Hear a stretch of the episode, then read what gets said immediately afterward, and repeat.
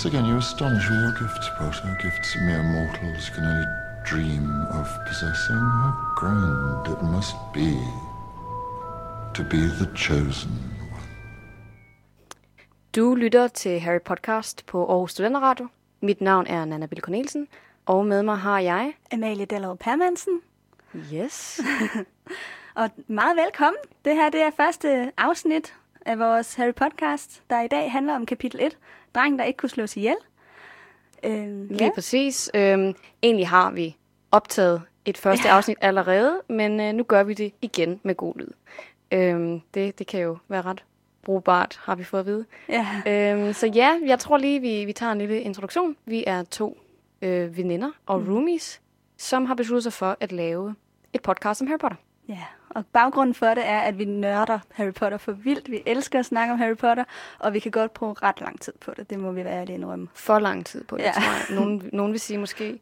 Øhm, øh, ideen bunder egentlig i en, øh, en, en hyggelig fredag aften, hvor vi sad og så, øh, så Harry Potter 4. Øhm, firkampspokalen. Øh, Flammernes pokal. Åh, satan, jeg glemmer det hver gang. øhm, Flammernes pokal, den sad vi og så, og det... Og i stedet for egentlig at se filmen, så endte vi med at sidde og diskutere filmen, og diskutere, hvor meget de ikke havde taget med, og hvad det ene betød, og hvad det andet betød. Og til sidst så ender det med, at alle vores andre roomies forlader rummet, fordi at der er ikke nogen, der kan holde ud at være i rum med os, når vi snakker om Harry Potter. Ja, vi har Øh. ligesom vores egen commentary spor, som vi selv synes er mega sjovt, men øh, det, Ja. Ja. forhåbentlig vil I også komme til at synes, at vores kommentar om Harry Potter er sjov, fordi vi går ud fra, at det er I fans, jer der lytter. Det håber vi, hvis ikke I er det, så i hvert fald, at I bliver det. Lige præcis. Øh, men i dag, der har vi valgt at tage udgangspunkt i kapitel 1. ja. Drengen, der ikke kunne slås ihjel. Øh, jeg tænker, Amalie, vil du lave et lille resume? ja, det vil jeg gerne, Anna. Ja, men øh, første kapitel, det handler jo simpelthen om, hvordan at herre og fru Dursley bor. Og det er, finder vi senere ud af, af Harrys tante og onkel. Øhm, og vi finder ud af, at de bor her i en forstad til London, og vi følger egentlig her, herr Dursley, Vernon hedder han også, og, øh, og hans dag på arbejde, og hvordan at den er bare egentlig er helt normal, og så alligevel ikke. Fordi han gør det, han plejer at gøre, men der er, lige, der er nogle tegn på, at der er et eller andet underligt. Øh, og han kommer hjem om aftenen til hans kone, Petunia, og deres søn Dudley, og, øh, og de ser nyheder, og der er også noget, der er lidt mærkeligt. Og så går de i seng. Og så slutter kapitlet med, at der er tre magiske personer. Professor McGonagall, Professor Dumbledore og Kempen Hagrid, som, øh, som mødes uden foran familien Dursleys hus, hvor de øh, anbringer Harry, som senere bliver vores hovedperson. Yes. Øhm, Det er ja. sådan, En god lille Ja. kort opsummering på, på, hvad kapitlet handler om. Øhm, ja, det er jo sådan set det, ikke? Mm. Øhm, jeg tænker, det næste, vi så går videre til, er karaktererne. Altså Mhm. hovedpersonen i det her er selvfølgelig herr Dursley og generelt familien Dursley, fordi det er det kapitlet ligesom handler mest om den her lille familie. mm, det er dem, Øhm. vi ligesom bliver præsenteret for her, for at lære, hvordan Harrys opvækst bliver. Lige præcis. Det er egentlig meget sjovt, fordi lige når man starter med at læse bogen, så, øhm, ja, så, så møder man den her familie, og man tror egentlig, man kommer til at læse sådan en eller anden forstadsroman fra London, med, med, med sådan, nogle, sådan en kedelig familie, som ikke rigtig oplever noget, men så er der en anden datter, der bliver gravid, eller hvad fanden ved jeg. Sådan, ja. Mm. Du, de fleste, som ikke har kunne lide Harry Potter, har stoppet den, ved, altså, fordi de, de begynder at læse første side, og synes simpelthen, det lyder for kedeligt Mm. øh, har de i hvert fald fortalt mig. Øh, så jeg, jeg tror, der er mange, der får nogle andre forventninger, når de læser den første halvdel af kapitel, fordi de kan simpelthen ikke se, hvor det magiske lige kommer ind. Mm. Også fordi, at første kapitel, det der lidt adskiller det kapitel fra resten af bogen, det er, at det ikke er fra Harrys synsvinkel. Det er en lidt mere objektiv fortæller, vi har med at gøre. Øhm, og derfor er kapitlet ret anderledes end, end de efterfølgende. Helt sikkert. Øhm, hvis vi går direkte videre til selve familien Dursley, så har vi så øh, Vernon Dursley, som er ja, papa i den her familie. øh, Petunia Dursley, som er søster til øh, Harrys øh, mor, Lily øh, Potter, finder vi senere ud af. Øhm, og så har vi så Dudley Dursley, som er en, en lille dreng på det her tidspunkt. Jeg gætter på, at han er to år eller sådan noget. Mm. Øhm, og, og Vernon bliver beskrevet som en meget stor, tyk mand, stort skæg, øhm, rødmosset, har ikke nogen hals. Jeg forestiller mig ham lidt som sådan en stor valros. Ja, Sådan. Ja, han blev ikke beskrevet sådan super godt. Han, Nej. Også, også altså sådan at han er virkelig, virkelig vred hele tiden. Det Mhm. mm-hmm. bedste, han ved, det er, når han råber på, på jobbet af de andre kollegaer. Det Lige er præcis. sådan ret grineren. Øhm, og så noget af det, som der går igen med ham øh, i det her kapitel, det er, at han er enormt bange for verden. Han, noget af det, vi har snakket om, er det der med, at han sidder med ryggen til vinduet på hans arbejdsplads. Han vil, Lige ikke, præcis. han vil ikke se ud, han vil ikke, han vil ikke se, hvad der i virkeligheden foregår. Nej. Og det er jo også øh, virkelig tragisk, hvad det er det 9. sal eller sådan noget, han har, Ja, han har kontor på, og så vælger man at vende sig den anden vej, når man måske har udsigt ud over London, eller hvad, hvad ved jeg, ikke? Det er da virkelig deprimerende. mm. Øhm, og, og Petunia, hun bliver beskrevet som den her langhalsede øh, sladertante, der sådan går og snager over hækken, og sådan, sådan en, en giraf, Mm. egentlig lidt. Øhm, så ja, de er, ikke- de er ikke særlig sympatiske, vil jeg sige, ud fra hvordan vi får dem beskrevet. Nej, det kan man ikke sige. Men omvendt, så... Jamen, det er de ikke, men, men jeg vil også sige, at der er også noget ved dem, som jeg tror, der er mange, der kan genkende til. Det der med at, at gå op i sladder, og hvad, hvad laver naboen og sådan noget. Selvom at det er et karaktertræk, man måske helst ikke vil stå ved, så tror jeg egentlig, der er mange, der, der har det karaktertræk. Helt sikkert, der er Ja. også dem, der godt kan lide at gå og råbe lidt af folk, altså. Hvem kan ikke lige lide det over en, en kop kaffe om morgenen mm. en gang imellem? Øhm, altså, de, de er bare en helt normal familie. De, mm. de er røvkedelige. Ja. Øh, øh, pænt sagt. Ja. Ikke? Øhm, og det er jo fint. De er glade for det. Ja. Ting er jo også ved den her familie, til trods for, at de har nogle ret øhm, utiltrækkende karaktertræk, så elsker de stadigvæk hinanden. Mm. Altså, øh, ja, der er, ikke nogen, der er ikke nogen problemer, der er ikke noget vold i den her familie, der er ikke nogen overgreb, der er ikke nogen pengeproblemer. De, de har det godt, hvor de har det, og de er godt tilfredse med det, de har.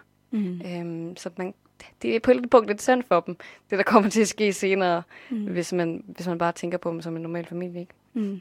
Øhm, mm, Jo, ja. altså også øh, Dudley der, der sidder og skriger, som sådan en lille barn jo nogle gange gør, ikke? Og Harry Dursley, han synes bare, at han er totalt sød og giver ham et kys, og, og glæder sig til at se ham igen, når han kommer hjem fra arbejde. Og, og sådan, altså det, der er bare sådan en, der er alligevel en kærlighed mellem dem, selvom Det er at de er sikkert. nederen. Ja, men det er der Ja. helt sikkert. Ja. Og det der lille klap på kinden, som, som Petunia lige får, det er bare det mærkeligste. Øhm, Ja. Sød gestus, men så alligevel ikke rigtigt. Du tænker på, at han ikke giver hende et kys? Ja, Ja, lige præcis. ja. Det, det er på en eller anden måde ikke så kærligt. Nej, Selvom at der er kærlighed mellem dem. Det er bare ikke, det bliver, de er bare ikke så fysiske med hinanden, måske. nej. Typisk britisk øh, kærlighedsforhold, med, måske, jeg ved det ikke lige helt. Mm. Øhm, men, øh, men ja, vi får jo set mere til dem senere, kan man Ja. sige. Altså, i løbet af den her dag, der, øhm, som, som du nævner, oplever Vernon jo nogle, nogle ting. Han ser blandt andet øh, en kat, der sidder og læser et kort. Eller også, som det bliver kaldt, en vejviser. Ja. Som altid har undret mig. Hvorfor står der vejviser? Det giver ikke mening. Nej, det undrede mig virkelig også over som barn. Hvad er en vejviser? Jeg troede, det var sådan en trekant, eller sådan en eller anden form for triangel, som så sådan lidt et kompas, eller sådan, jeg, jeg, ved, jeg kunne simpelthen ikke forstå, hvad det var. Jeg forestillede mig, da jeg var barn, sådan en, en du ved, ligesom de der høner, der sidder oven på nogle gamle oh, bondehuse, ja. sådan en, en der, Der- der, sådan en pil. Ja, der, der Ja. drejer efter vinden. Ja. Ja, Ja. ja. Um, jeg, det har jeg, ord har jeg aldrig forstået. Um, men, men fair nok, han, han ser den der kat. ja. Han ser, um, han, han ser uler, gør han mm. ikke det? Jo, han ser rigtig mange muler. Um, og så ser han alle de der kappeklædte mennesker, der render rundt ind i byen. Og så ser han så, at der er stjerneskud om aftenen um, på TV-avisen. Mm. Så han er sådan lidt, okay, der er et eller andet her, men jeg vil ikke rigtig helt stå ved, hvad det er. Så, så man sidder sådan lidt og overvejer, okay, er du dum? Er du langsom? Eller er du bare propfuld af selvbedrag? Altså, Mm. du, der er, han, han vil ikke, selvom han godt ved, at der findes et eller andet i verden, der, der er lidt større end, end ham selv måske. Ja. ja, fordi han, han ken, ved jo, at der er en magisk verden. Han, han kender øh, søs, Petunias søster Lily, eller måske kender han hende, hende ikke, men han har i hvert fald hørt om hende. Ja. Så han ved, at der er en verden, hvor der er magi. Lige præcis. Så det er underligt, at han ser alle de her tegn på, at der foregår noget i den verden, uden at han vil, vil erkende, at det er det, der gør. Ja. Ja. Jamen, det er rigtigt. Det, ja, det, det, det giver ikke så god mening, synes jeg. Øhm, så har jeg også skrevet ned, fordi at, øh, han, han oplever jo alle de her ting i løbet af sin dag i London. Mm. Og han bliver bare mere og mere frustreret, hvilket kulminerer i det her kram, han får af en gammel mand, som bare bliver mega glad over, at Voldemort er væk. Og sådan, åh, oh, det er også en glædens dag for dig, Mokler. Og han er bare helt rundtosset oven på det der kram. Og så, så tænker han sig på vej hjem i bilen. Øhm, selv noget så tåbeligt som en livlig fantasi må være at foretrække frem for alle disse underlige hændelser havde været den skinbarlige virkelighed. Og det er bare sådan lidt, Altså, det virker sådan lidt som en sarkastisk kommentar fra J.K. Rowling, ikke? Lige sådan, ja, forhåbentlig, så er det måske det omvendte, at, at alle de her underlige ting netop er virkelige. Mm. Øhm, jeg synes bare, det er sådan en, en fin lille ting, Ja. hun har skrevet. Generelt synes jeg, hendes øh, kommentar i det her kapitel er virkelig fed. Der er mange steder, hvor sådan, du, du nævnte også noget øh, med, at i, på den, i den engelske version af den første linje, hvor hun siger, thank you very much. Ja, det, det er rigtigt, det er rigtigt. Jeg, jeg har også skrevet den ned. Lad mig lige se.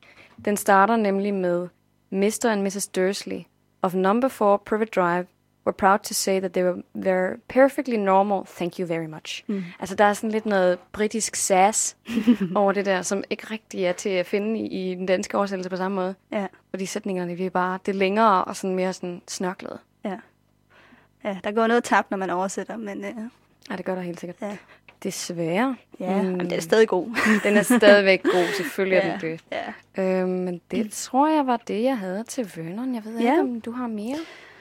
Øhm, nej, nej, men jeg har tænkt meget over Petunia, så det kan være, Ja. at vi skal gå videre til hende. Det kan vi godt. Noget af det, jeg har tænkt over med Petunia, det er, at hun umiddelbart virker meget skamfuld over sin søster, Lily, Ja. i det her kapitel. Men senere finder vi ud af, at hun i virkeligheden har været meget, meget misundelig på Lily. Hun har været misundelig på, at Lily blev optaget på Hogwarts og skrev faktisk til Dumbledore, om ikke, at han også ville optage hende. Er det rigtigt? Øhm, så der er sådan... Hun, hun udstråler skamfuldhed, men i virkeligheden er hun jo egentlig meget jaloux. Og så tror jeg også, der er en anden følelse, som hun bliver præget af i det her kapitel, og det er sådan en, en sorg over at have mistet kontakten til hendes søster. Ja, Fordi hun bliver ked af det, når vennerne bringer hende på banen. Hun vil helst ikke snakke om det. det er rigtigt. Men jeg synes også lidt, at man sender egentlig, eller ja, jeg, jeg synes, man mærker lidt en, i højere grad en irritation egentlig, end en sorg. Mm. Også fordi, at, jeg, hun har jo ikke opdaget endnu, at Lily hun er død. Og Nej. det virker ikke, som om de to har talt sammen, siden at hun egentlig blev optaget på Hogwarts som, som 11-årig. Så jeg tror, det er en lang proces, hvor hun har trukket sig væk. Ja, men hun ved, at, at Lily har fået en søn, der hedder Harry. Det er rigtigt. Det har, du, det har du selvfølgelig ret i. Det modbeviser mm. så lidt, det jeg lige sagde.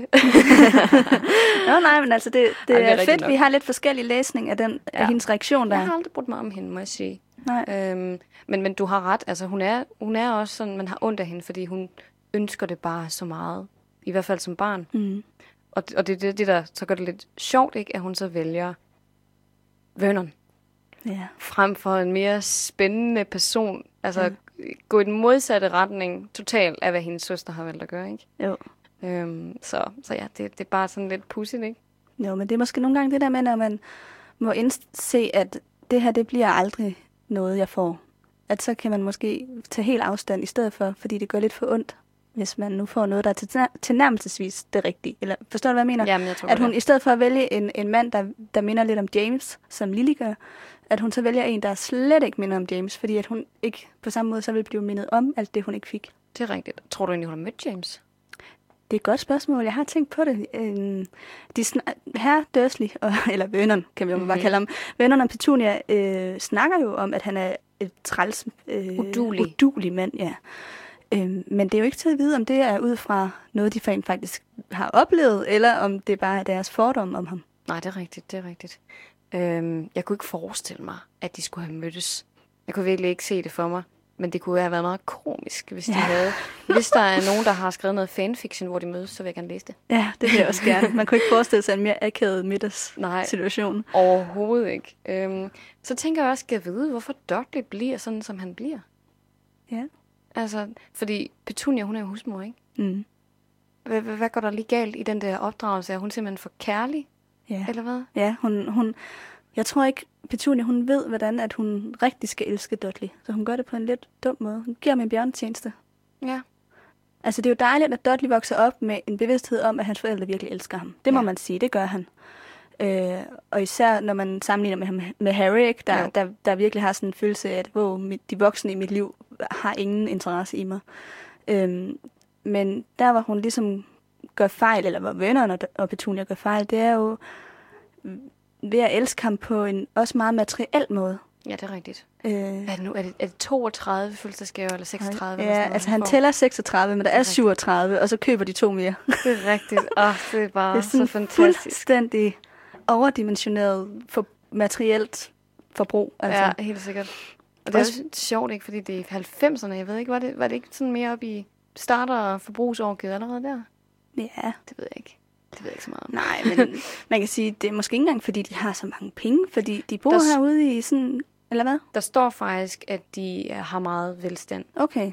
Okay, så de er velhævende. De er, ja, undskyld, velhavende. Ja, ja. ja det, er, det står der faktisk på første side, tror jeg. Men stadig 36 eller 37 gaver er virkelig mange, når Ja. ja. det kun er fra dem. Jamen, det er rigtigt. Det er rigtigt. Det kan godt være, det lige er en fra Tante March, også, som er vennernes søster, ikke? Men, men resten er jo fra hans forældre. Jamen, det er rigtigt. Ja. Ja, men det kommer vi tilbage til i næste kapitel jo. Helt sikkert. Ja. Så tror jeg, vi skal gå videre til vores magikere. Ja. Altså, den første, vi møder, det er jo Minerva McGonagall, Mm-hmm. der sidder som en kat hele dagen uden for en Private Drive eller Ligustervinget. Jeg kan bedst lide Private Drive, må jeg sige. Ja, også fordi, at der er den der, øh, pr- det minder meget om private, altså privat, Ja, øh, private, vil man så sige, ikke? Ja. ja. Men at det, er sådan, det netop er den der suburban øh, Forstads. forstads forestilling om, at vi holder os for os selv. lige præcis. Ja. Lige præcis, det er rigtigt. Ja. Ja, Ligustervinget, det er bare sådan, det er sådan lidt hyacinth-agtigt. Ja, ja. Men ja, never mind that. Men, men McGonagall, hun sidder i hvert fald uden for øh, huset hele dagen i skikkelse af en kat og venter på Dumbledore. Finder vi så ud af, at det er hende. Øhm, og hun bliver beskrevet som værende en stramtandet kvinde med, en, med sort hår sat op i en knold, øhm, med et strengt blik mm. og med, med, med det er firkantede briller, ikke? Jo. Ja. Øhm, så ikke lige umiddelbart det samme som det, man ser i filmen, hvor Maggie Smith jo spiller McGonagall. Hmm. Hun, øh, hun er nok en en 40-50 i bogen, hvor hun måske er 60-70 Ja, i filmen. Ja, altså, vi elsker jo begge to Maggie Smith, og hun, Ja. man, hun gør det virkelig godt. Det er Hun slet ikke for at kritisere hende som skuespiller, men det er bare, ja, det var ret det er sjovt, hvordan at der er den store forskel mellem bog og film. Ja, det er måske det der med, at man kan bedre forestille sig, at en ældre kvinde er streng, frem for måske en 40-50-årig kvinde. Øh, at der er sådan et eller andet mismatch. Jeg kunne, gå- jeg kunne godt have tænkt mig at se sådan en, en 40-årig McGonagall, der bare går rundt og sådan, nu skal du lave en lektier. Mm. Eller, hvorfor er du på den der, øh, det der kosteskaft lige nu? Sådan, hvad sådan et. Ja. Sådan lidt mopset. Det, det kunne jeg godt tænke mig at have set en lidt yngre version af det. Det tror jeg også kunne have været meget interessant. Ja, det kan være, øh, hvis der engang bliver lavet en... Altså, jeg har jo en drøm om, at der på et tidspunkt bliver lavet en, en tv-serie med Harry Potter. En Netflix-serie, eller HBO, eller et eller HBO andet. kunne være så fedt. Ja, det kunne virkelig være fedt. Men altså, hvor, hvor man går mere i dybden med hver bog, og ligesom måske laver, det ved jeg ikke, otte afsnit til hver bog, så man får flere detaljer med. Men der kunne det jo være, at man valgte en skuespiller, der mindede mere om, om hende i bogen. Ja. Enten det, eller også, at man lavede en serie fra en anden vinkel, end måske lige præcis, øhm, hvad hedder det, Harrys synsping- synsvinkel. Måske, hvor man mm. fokuserede på lærerne, der gik på ja, Hogwarts. det kunne være spændende. Fokuseret ind på øh, Maggie Smiths liv, eller Dumbledore, eller øh, hvad, hvad hedder han? Snape. Snape, ja, for guds skyld. Sådan, øh, hvad er det, hun hedder hende med, med alle planterne? Og på, øh, professor Spire. Ja, Sprout på engelsk. lige præcis. Ja. Ja. Lige præcis. Men man fokuserer ind på deres liv i stedet Ja. ja. for, eller Trelawney for eksempel, i stedet for kun at sidde og kigge på Harry, fordi han er også interessant, mm. men han er, ja, 11 i den her bog. Altså, så vildt er hans følelsesliv og hans erfaringer altså heller ikke. Også fordi, at det, noget af det, vi elsker ved Harry Potter, er jo bare universet. Ja. Det er måske ikke så meget Harry, som det bare er alle de øh, ting, der sker i det her univers, ja. ikke? Øhm, så jo, jeg, ja, det vil være vildt fedt. Jeg vil totalt se den serie. Jeg har faktisk også siddet på et tidspunkt inde på Pottermore og lige øh, læst lidt om McGonagall. Mm. Bare fordi, at man har altid undret sig om, hvorfor hun var der. Øhm, og det viser sig faktisk, hun er ikke sådan en spinster. Hun er ikke en pebermø. Hun har faktisk været gift, inden det var, hun startede på Hogwarts. Og Ja. så dør hendes mand så, hvilket så gør, at, at hun vælger at komme og arbejde for Dumbledore. Øhm, så det er så lige en, en fun fact. Ja. Øhm, og så har jeg lige en kommentar i forhold til det der med, øhm, med brillerne. Mm. Fordi øh, McGonagall, hun, hun kommer jo med, den her, med det her spørgsmål, da Dumbledore spørger hende, øh, hvorfor du sidder der hele dagen. Og så siger hun, hvordan kunne du vide, at det var mig? altså, hvordan opdagede du det? Og så svarer han, at øh, jeg har aldrig set en kat sidde så stiv som en statue på den måde, som du gør. Og så, så sidder man og tænker sådan lidt, prøv at høre, du er en animagus. Du har de der brillemarkeringer, sådan firkantede briller rundt om øjnene som kat. Altså, hvor obvious kan det være, at du ikke er en rigtig kat?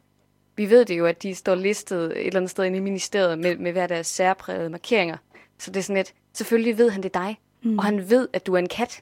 Ja. Så, så det er lidt et dumt spørgsmål at stille, er det ikke det? Jo, altså det er virkelig, hvad man kalder brain fart. Ja, det er det godt nok. Også fordi, altså, det er Dumbledore.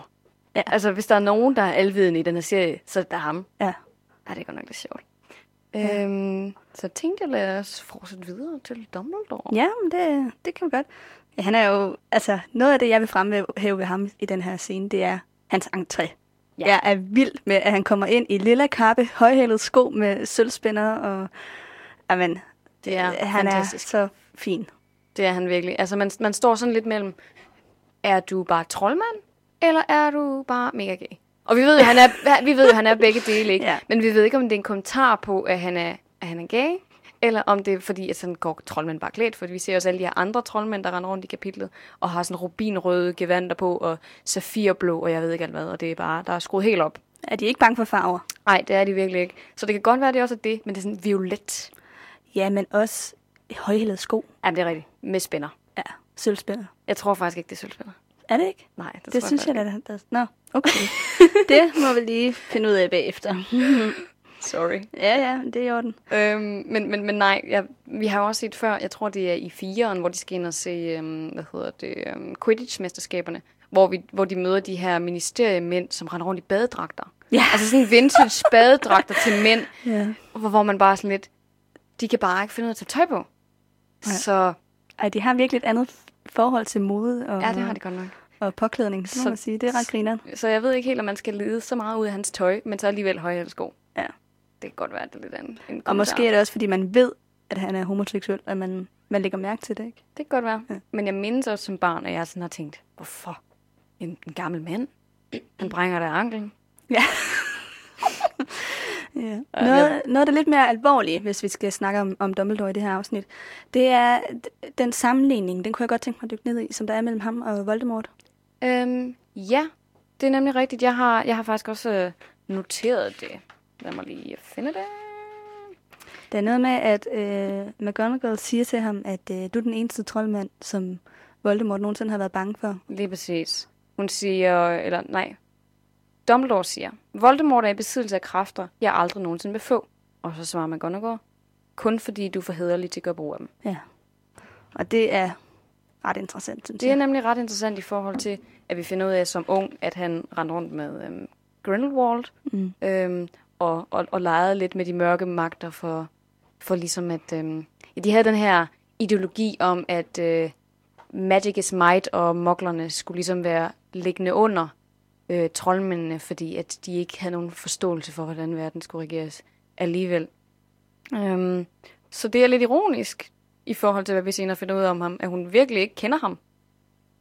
Ja, det, det, det, det må man sige. Altså, det er et, endnu et symbol på, at Dumbledore holder kortene tæt på kroppen.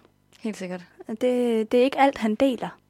Øhm, det er der også et eksempel på mere, men nu vil jeg lige først sige det der med, at, at, Dumbledore jo på en eller anden måde har lidt ærefrygt for Voldemort, på Ja. den måde, han formulerer sig. Ellers så vil man, han sige det, som McGonagall siger, så vil han selv have sagt, at han har kræfter, jeg aldrig vil gøre brug af. Ja. Eller, eller sådan, så vil han have formuleret sig på en anden måde. Tag afstand fra, ja. hvad det er, han gør.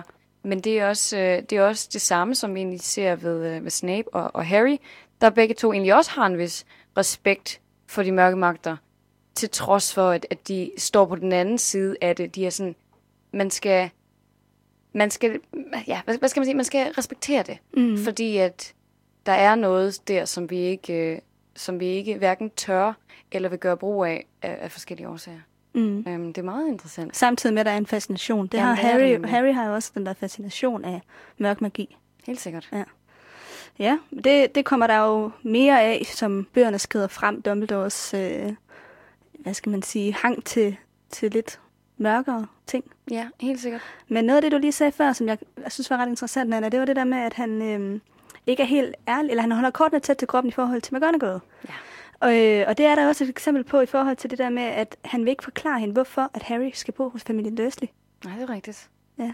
Han, øh, han siger, at det er, fordi det er de- den eneste familie, som Harry har tilbage.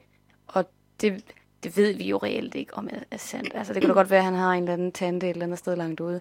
Og hvis, hvis det er i forhold til Lily Potter, og det så er, fordi Petunia er hendes søster, så, så, så kan det måske godt give god mening. Men, men det er rigtigt. Det er Mm. nok ikke kun derfor, han gerne vil have, have ham boende hos uh, familien Dursley. Nej, jeg tror, jeg tror, der er flere grunde til det faktisk. Jeg tror, det er et meget bevidst valg, fordi Dumbledore ved godt, at det ikke er nogen gode mennesker. Det er helt sikker på, ved. Selvfølgelig gør han det. Øh, eller gode mennesker i vores Optik. optik. Altså, de er jo helt normale, ikke? Men, men gode for Harry. Ja. Det er måske ikke normalt i den måde, de behandler ham på, som vi kommer tilbage til i næste afsnit. Ej, der har jeg virkelig... Ja, Mange noter. mange noter, ja. Ej, øhm, hvad var det, jeg vil sige? At, jo, at Dumbledore, han er jo nok klar over, at de er, ikke vil behandle ham godt. Nej, men det er jo også det her med senere, at de nok skal forme Harry til en specifik personlighed. Fordi hvis han voksede op, som Ron gjorde, kunne det være, at han ikke ville have så stort et behov for at, jeg ved ikke, ofre sig, som han jo... Ja, sorry, spoiler alert, men Ja. man, vi forventer lidt, at, man, man, man kender historien på, for, på forhånd. Ikke? Der bliver mange spoilere. Der bliver mange spoilere. Øhm, men han skal jo ofre sig til sidst. Og hvis han ikke har den rette personlighed til det, hvis han har for mange ting, som, som ligesom begrænser ham i det valg, Mm. så er det ikke sikkert, at han gør det. Nej, Det er nødvendigt, at han får den her lonely hero øhm, personlighed, som skal ud og redde alle. Ja, altså du tænker på, hvis nu at han som Ron havde en kæmpe familie bag sig, som ville gøre, at han ikke måske ville være parat til at gå ind Måske. i døden. Ja, Jeg tror ikke, Ron ville være parat til Nej. at gøre det. nej, det, det tror jeg, du er ret i. Altså, Harry har jo også sådan lidt en tendens til altid at ville klare tingene selv. Ja. Og det er nok i høj grad på grund af den opvækst, han har fået ved familien Dursley. Det er du ret i. Mm. Øhm, men ja, tilbage til Dumbledore. Ja, Jeg havde ja. faktisk en lille note mere i forhold til at, hans entré. Ja, Øhm, må jeg høre? ja, der står jo, at han har en lang høgenæse, som ud, så, ser ud til at være blevet brækket flere gange. Og det er jo også et lille hint i forhold til, øhm, til hvad vi får at vide i syveren, om at han har den her bror Aberforth, og han har den her søster, øhm, hvor der opstår nogle, nogle problematikker, som så gør, at Aberforth slår Dumbledore til øh, hans søsters begravelse. Øhm, så, så det er lidt sjovt, at det allerede er så tidligt i serien, at det her det kommer. Mm. Det er rigtigt, at der er lige sådan et lille hint til, ja. Til noget. Ja. Rowling har været meget forudseende. ja, det må man sige. Det er fantastisk. Ja, altså det også fordi, ja, kan man virkelig tro, at hun har, har haft alle de her detaljer nede så tidligt i serien? Det synes jeg godt nok er vildt. Ja. Det hænger i hvert fald godt sammen. Ja, det gør det, det må man sige. Øhm, men også nu i forhold til den næse der, ikke, at det er jo også et tegn på, at, at vi, vi ved ligesom, at han har ikke haft et stille liv. Nej. Altså det kan godt være, at vi ikke endnu ved, hvad han, hans historie er, men, men man kan godt fornemme, at han har nok ikke... Det kan godt være, at han er rektor på den her skole, men han laver nok også noget andet ved siden Mm. af. Til gengæld, så vil jeg godt tænke mig at vide, hvordan er den ellers blevet brækket? Hvis Aberforth har brækket den en gang, hvem har så brækket den de andre gange? Ja. Måske. Altså det... ja, det er et godt spørgsmål. Jeg kunne ikke forestille mig, at han tit er i slåskampe. Nej, rigtigt. det er nok noget magisk, der er sket jo. Ja, måske. Det, det, det kunne jeg godt tænke mig at, Ja. vide, men øhm, måske det stopper på det mig. Jeg ved det ikke. Ja. ja. Okay, jamen... Øhm, Noget andet lige ved Dumbledore, ikke? Det er hans humor. Jeg er Ja. vild med hans humor. Altså, der er simpelthen, der er især den der kommentar om, at uh, McGonagall spørger ham, om ikke de skal fjerne, om han, der er mulighed for, at de kan fjerne Harrys arm, fordi det er noget, der vil altid, han altid skulle vil forklare, og det vil altid ja. minde ham om det her forfærdelige, der er sket og sådan noget. Øh, altså, i forhold til hans forældre døde. selvfølgelig. Øhm, og så siger Dumbledore, nej, og selv hvis jeg kunne, vil jeg ikke gøre det. Ar kan være meget hjælpsom eller nyttig, eller sådan et eller andet, siger han. Øh, jeg har selv lidt over Londons undergrundsbaner. Altså sådan metroen under London, og jeg bare sådan, Under mit venstre knæ. ja, Det må du ikke glemme. Ja, under er venstre knæ. Ja, og det var sådan, hvad skal han nogensinde bruge det ar til? Altså, det er Ja. sådan en virkelig sjov joke. Og kan vide, hvordan han har fået det. Igen, sådan Ja. er alle mine spørgsmål i forhold til Dumbledore. Hvordan har du fået det? Jeg vil, jeg vil, jeg vil vide, de her historier, de lyder simpelthen så skøre. Ja. Og så også generelt det der med, at han sidder og spiser citronsorbet. Ja. Mens McGonagall sidder og vil stort tude over, Ja. at James og Lily Potter er døde, og Harry Potter er blevet forældreløs, og så han bare, ja, jeg sidder bare med mit bevæger og sat citron. Så beder det smager bare fint, og du græder bare op der. ja, men han er så socialt akavet i nogle situationer. Fuldstændig. Der, der bliver også senere, der hvor Harry, øh, ja, det, kan vi også, det vender vi også tilbage til, men, men der hvor Harry, han nær, nær har været død nede i kælderen med de vise sten, hvor, hvor Dumbledore begynder at stå og snakke om multismidsbønder. Han har bare noget med slik. Har et, ja, han har noget, han har bare en sød tand. Det er Han helt vildt. Den sødeste, den. Det er så mærkeligt. Ja, Overraskende, han har nogle tænder tilbage. Ja. ja. Altså hvad magi ikke kan gøre, ikke? Jamen, det er rigtigt. Det er rigtigt. Men ja, det, det er så griner, at han sidder der og spiser citronsorbet, mens hun sidder og græder og er meget, meget mere berørt, end, end Dumbledore ja. er, ikke? Ja. Lige præcis. Og så kommer det der med, at han snøfter højt og kigger på sit ur. Men sådan. Så, så det skulle betyde... At du er berørt, eller... Ja. Ja. Ej, men jeg tror da også, han, han har det virkelig hårdt med det. Men Ja. man kunne godt få sådan lidt en, en autist-vibe fra ham i nogle situationer. Det, hvilket er sjovt, fordi jeg har altid set ham som den her øh, ekstreme, støttende person, en, ligesom en søjle, man, kan, man altid kan regne med. Og det er han bare ikke sådan rigtig. Nej, altså han er i hvert fald et eller andet socialt... Øh, Tilfælde? ja, ja, det kan man godt sige. Eller han har i hvert fald nogle sociale problemer, kunne Ja. man måske også sige. Altså man får heller ikke fornemmelsen af, at han er sådan en, der har vildt mange venner. Nej, Øhm, det tror du ret i. Altså han har ham der, øhm, som skriver hans, øhm, hans, hvad kalder man det, døds, dødsannonce. nekrolog. Nekrolog, ja.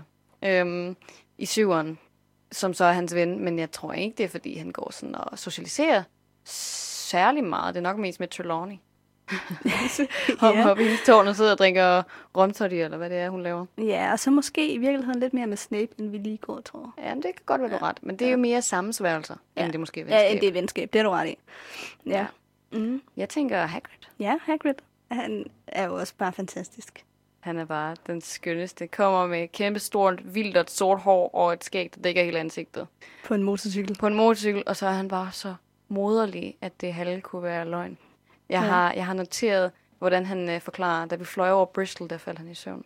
Mm. Og det er jo bare sådan, åh, oh, det var så skønt. Ja. Det er sjovt, ikke? Fordi at de her tre, både McGonagall og Dumbledore og Hagrid, de får lidt sådan erstatningsforældrerollerne for Harry på Hogwarts Ja. i den magiske verden. Øh, og det er lidt sjovt, at af de tre er det så Hagrid, der er mest mor. Ja, det er faktisk rigtigt. Det er ham, der bærer kage og laver te og hygger Dårlig kage. Om, dårlig kage og dårlig mad og dårlig te. Men ikke desto mindre hygger om dem. Og, Ja. og er sådan den der øhm, tilgivende ja, øh, forældre. det er rigtigt. Man det kan kan altid, faren selvfølgelig også godt være. Nu er det ikke, fordi jeg vil sidde her og lave kønsroller, vel? Øh, men ja, tværtimod. Det går jeg ikke ind for. men Nej, men det er bare sjovt, at han er sådan den lidt mere stereotypisk. stereotypiske morrolle. Ja. ja. ja. jeg vil gerne lige understrege, der ikke er nogen, der skal ikke misforstås noget her. Jeg er ikke, Mega feminist. ja, jeg, er ikke, jeg går ikke ind for stereotyper. Nej. Nej. Nå, Fair nok. Ja. Han har et stort prikket, polkeprikket Ja. lomteklæde, som der står hulker i. Øh, så jeg tror, det også underbygger den tese. ja. Men det er nemlig rigtigt. Også McGonagall, så hun er sådan mere den, den strenge, Ja. den strenge forældre, der skal sætte regler og fortælle, hvornår må man det, og hvornår må man ikke. Og øh, også afholder ham senere for blandt andet at tage med til Hogsmeade, fordi at du har ikke lov, og sådan Mm. er det bare, og du må du bare acceptere.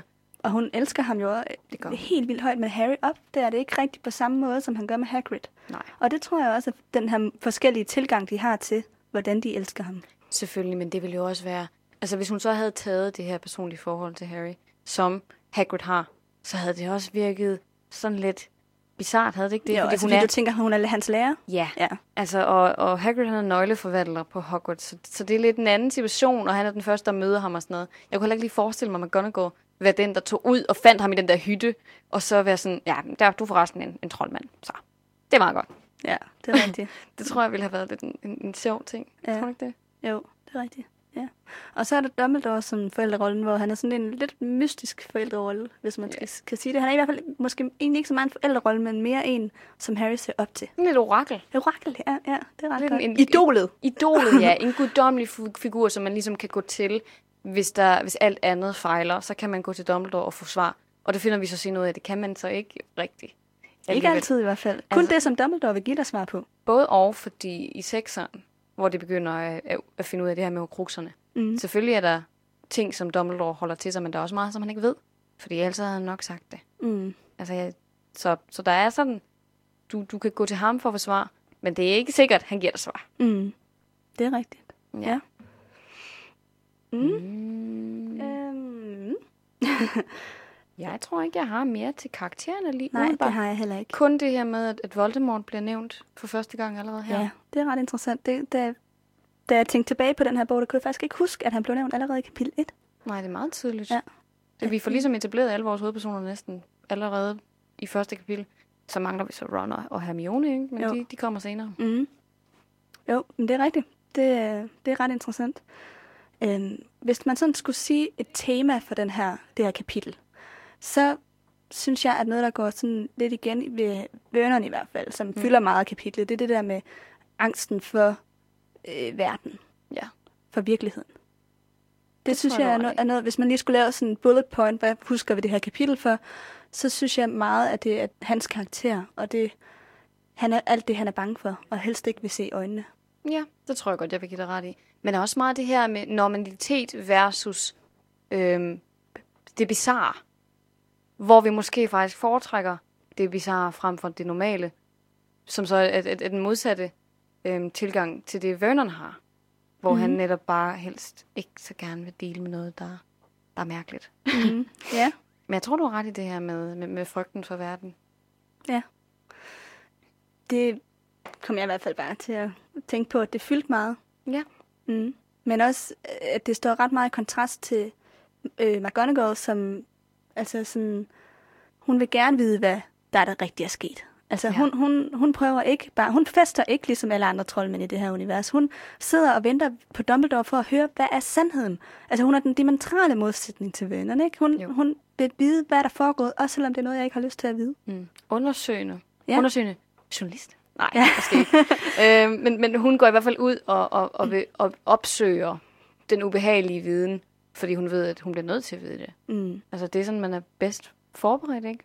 Hvis man er, er klar på, hvad det er, der kommer. Ja. Øhm, men ja, jeg ved ikke rigtig, om der er så meget mere til det her kapitel, egentlig. Nej, det er det ikke. Det, det er et rigtig godt kapitel, synes jeg. Ja. Ja. Og vi glæder os til at læse det næste Ja. også. Det næste kapitel, det er jo det, der hedder øh, Glasruden, der forsvandt. Yes. Og øh, det vil vi øh, snakke om næste uge.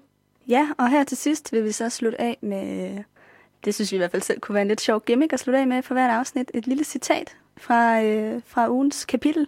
Og øh, i den her uge, synes jeg, du skal starte, Anna, så kan jeg tage et, et, øh, et udtræk fra næste uge. Mange tak. Øhm, med det her citat, der starter McGonagall med at sige det her. Han er da virkelig borte, er han ikke Dumbledore? Det lader det i hvert fald til, sagde Dumbledore. Vi har meget at være taknemmelige for. Har du lyst til noget citronsorbet?